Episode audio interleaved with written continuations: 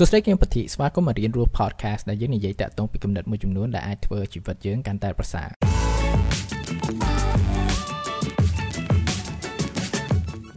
បើសិនមកអ្នកមានដីមួយសម្រាប់សង់ផ្ទះហើយអ្នកត្រូវចាប់ផ្ដើមសង់តើដំបូងឡើយអ្នកត្រូវធ្វើអីយើងសង់មកឬក៏យើងគិតគូរតាក់ទងពីប្លង់ផ្ទះហ្នឹងតើយើងចង់ឲ្យផ្ទះហ្នឹង វាមានរូបរាងយ៉ាងម៉េចហើយនេះគឺជាអ្វីមួយដែលថាយើងអាចយកមកប្រៀបធៀបតាក់ទងពីការរស់នៃជីវិតរបស់យើងនឹងដែរព្រោះថាជាធម្មតាគឺថាយើងតែងតែមានគោលដៅមួយចំនួនថាយើងចង់ធ្វើនេះចង់ធ្វើនោះប៉ុន្តែតើយើងចង់ឲ្យជីវិតយើងចុងក្រោយបំផុតហ្នឹងវាមានរូបរាងយ៉ាងម៉េចតើយើងដឹងហើយឬនៅវាដូចជាការសង់ផ្ទះអញ្ចឹងបើសិនបើយើងអត់មានប្លង់ ថាចុងក្រោយយើងចង់ឲ្យខ្លាយផ្ទះនេះយ៉ាងម៉េចតែយើងដឹងថាអូខ្ញុំចង់ឲ្យជាងនៅនេះឬក៏ទ្វារនៅនេះអីនៅនេះទៅដល់យើងសង់សង់សង់ពេលខ្លះយើងត្រូវវាយចោលឲ្យធ្វើមុនឬក៏ពេលខ្លះគឺថាអ្វីដែលយើងសង់ហ្នឹងវារារាំងក្នុងការសង់នៅផ្នែកផ្សេងផ្សេងអីចឹងទៅឬក៏អាចចុងក្រោយគឺថាយើងត្រូវវាយផ្ទះទាំងចោលទាំងអស់ហើយយើងត្រូវសង់ឡើងវិញម្ដងទៀតគឺថាយើងចំណាយកាន់តែច្រើនទៅពេលដែលខ្ញុំនិយាយតាក់ទងពីប្លង់គឺខ្ញុំនិយាយតាក់ទងពីចក្ខុវិស័យនៅក្នុងជីវិតរបស់យើងហ្នឹងតែជាពេលអង់គ្លេសគេហៅថា vision តើជីវិតដែលថាយើងចង់បានហ្នឹងតើវាមានរូបរាងបែបម៉េចតើវាមានអារម្មណ៍បែបម៉េចហើយនោះគឺជាអ្វីមួយដែលយើងគួរតែគិត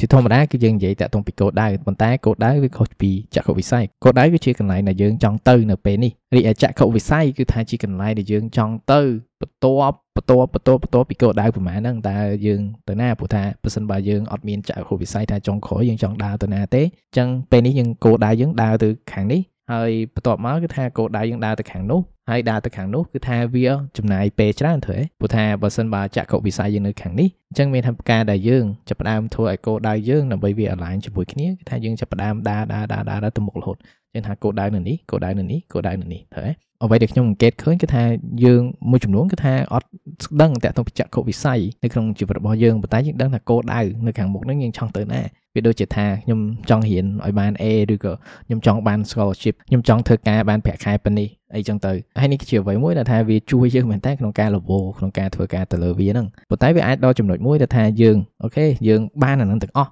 ប៉ុន្តែចាប់ផ្ដើមមានអារម្មណ៍មួយដែលថា empty មែនតើគឺថា អូខេខ្ញុំបានអានឹងអស់ហើយប៉ុន្តែមិនទៀតឥឡូវខ្ញុំត្រូវធ្វើអីទៀតហើយវាអាចជាចំណុចមួយដែលគេអាចហៅថា middle life crisis ហ្នឹងវាដូចជាអារម្មណ៍មួយដែលថាវង្វេងមានអារម្មណ៍ថាយើងដើរដើរដើរយូររាប់ឆ្នាំហើយប៉ុន្តែមានអារម្មណ៍ថាអត់ដឹងខ្លួនឯងនៅតាណាសោះហើយក៏អត់ដឹងថាខ្លួនឯងត្រូវដើរតាណាទៀតហើយគឺជាបញ្ហាពេលដែលយើងផ្ដោតទៅលើតែគោលដៅហើយជាពិសេសគោលដៅទាំងនោះគឺជាគោលដៅដែលសង្គមផ្ដោតនឹងផ្ដោតឲ្យយើងវាអាចមិនមែនជាគោលដៅមួយដែលយើងសម្រេចនឹងជ្រើសរើសដោយខ្លួនយើងផ្ទាល់ ទៅតាមនឹងចក្ខុវិស័យរបស់យើងហ្នឹងប៉ុន្តែគោលដៅទាំងនោះគឺជាគោលដៅទៅតាមការរំពឹងទុកពីអ្នកដទៃឬក៏ការភ័យខ្លាចរបស់យើងមានអារម្មណ៍ថាបើយើងអត់ធ្វើហ្នឹងទេយើងចូលចុះគេអត់កើតអានេះលើឧទាហរណ៍បើយើងសួរសិស្សម្នាក់ថាគាត់ចង់បានអីគោលដៅរបស់គាត់ជាអ្វីគេថាអូខ្ញុំចង់បាន A ហើយបានចង់បាន A អូខេប្រហែលជាចង់បាន scholarship okay បាន scholarship ហើយមកទៀតអ្នកខ្លះគឺថាពេលបាន scholarship រៀនចប់ scholarship ហើយមកវិញក៏នៅអាចមានអារម្មណ៍ lost ទៅថា okay ឥឡូវធ្វើអីទៀតឥឡូវ okay okay អាចធ្វើការ okay ឥឡូវបានប្រាក់ខែច្រើនគោលដៅគឺថាចង់បានលុយច្រើនប៉ុន្តែលុយនឹងយកទៅធ្វើអី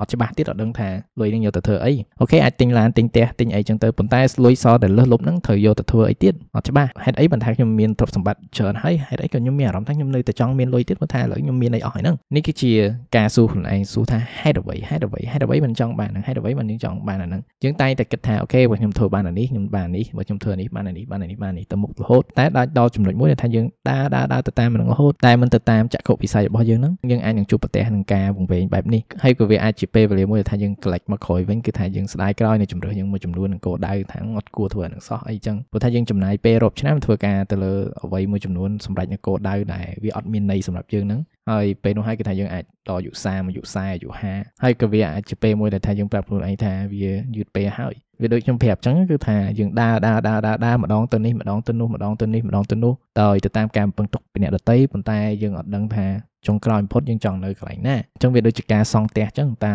យើងចង់ឲ្យជីវិតយើងវាមានរូបរាងបែបម៉េចហើយពេលនោះហើយបើយើងចាប់ផ្ដើមគិតថាអូខេខ្ញុំត្រូវការជាងផាត់ពណ៌បែបម៉េចផ្ទះហ្នឹងវាមានប្រមាណជាន់ខ្ញុំត្រូវមានវេរ៉ងដាអត់ខ្ញុំត្រូវប្រើអំពូលភ្លើងអត់អញ្ចឹងមានថាពេលដែលយើងចាប់ផ្ដើមមានចក្ខុវិស័យយើងមើលទៅលើគោលដៅរបស់យើងហ្នឹងវាជាការជ្រើសរើសធ្វើនៅអ្វីដែលថាវាជួយយើងដល់ពេលចុងក្រោយហ្នឹងគឺយើងអាចមានផ្ទះរូបរាងបែបហ្នឹងទៅអញ្ចឹងយើងគួរតែមើលឡើងវិញតទៅពីគោលដៅរបស់យើង យើងអាចឈានជើងមកក្រោយបន្តិចមកដើម្បីមានពេលមួយសម្រាប់គិតគូរ reflect និងស្វែងយល់ពីខ្លួនឯងស្វែងយល់តាក់ទងពីចក្ខុវិស័យនៃជីវិតរបស់យើងហ្នឹងវាមិនមែនត្រឹមតែគិតថា5ឆ្នាំក្រោយយើងចង់ធ្វើអីប៉ុន្តែ30ឆ្នាំក្រោយយើងចង់ធ្វើអីតើយើងចង់ស្ថិតនៅកន្លែងណាពេល30ឆ្នាំក្រោយហ្នឹងវាជាការគិតតាក់ទងពីបើយើងមានសេរីភាពក្នុងការធ្វើអ្វីទាំងអស់តែមិនត្រូវការបំពេញនៅការរំពឹងទុករបស់អ្នកដទៃហ្នឹងតើយើងនឹងធ្វើអីតើយើងនឹងក្លាយជាមនុស្សបែបម៉េច ហើយនោះគឺជាអ្វីដែលថាយើងចាប់ផ្ដើមគួរតែសួរពីខ្លួនយើង ស្វែងយល់តាក់ទងពីគោលដៅធំគោលដៅចុងក្រោយមិនមែនគោលដៅដើម្បីគោលដៅដែលវាអត់ស្របជាមួយនឹងចក្ខុវិស័យរបស់យើងហ្នឹងអញ្ចឹងគិតគូរតាក់ទងពីចក្ខុវិស័យខ្លួនឯងពេលនោះហើយគេថាយើងចាប់ផ្ដើម make conscious effort តាក់ទងពីជីវិតរបស់យើងចំណាយពេលកាន់តែល្អ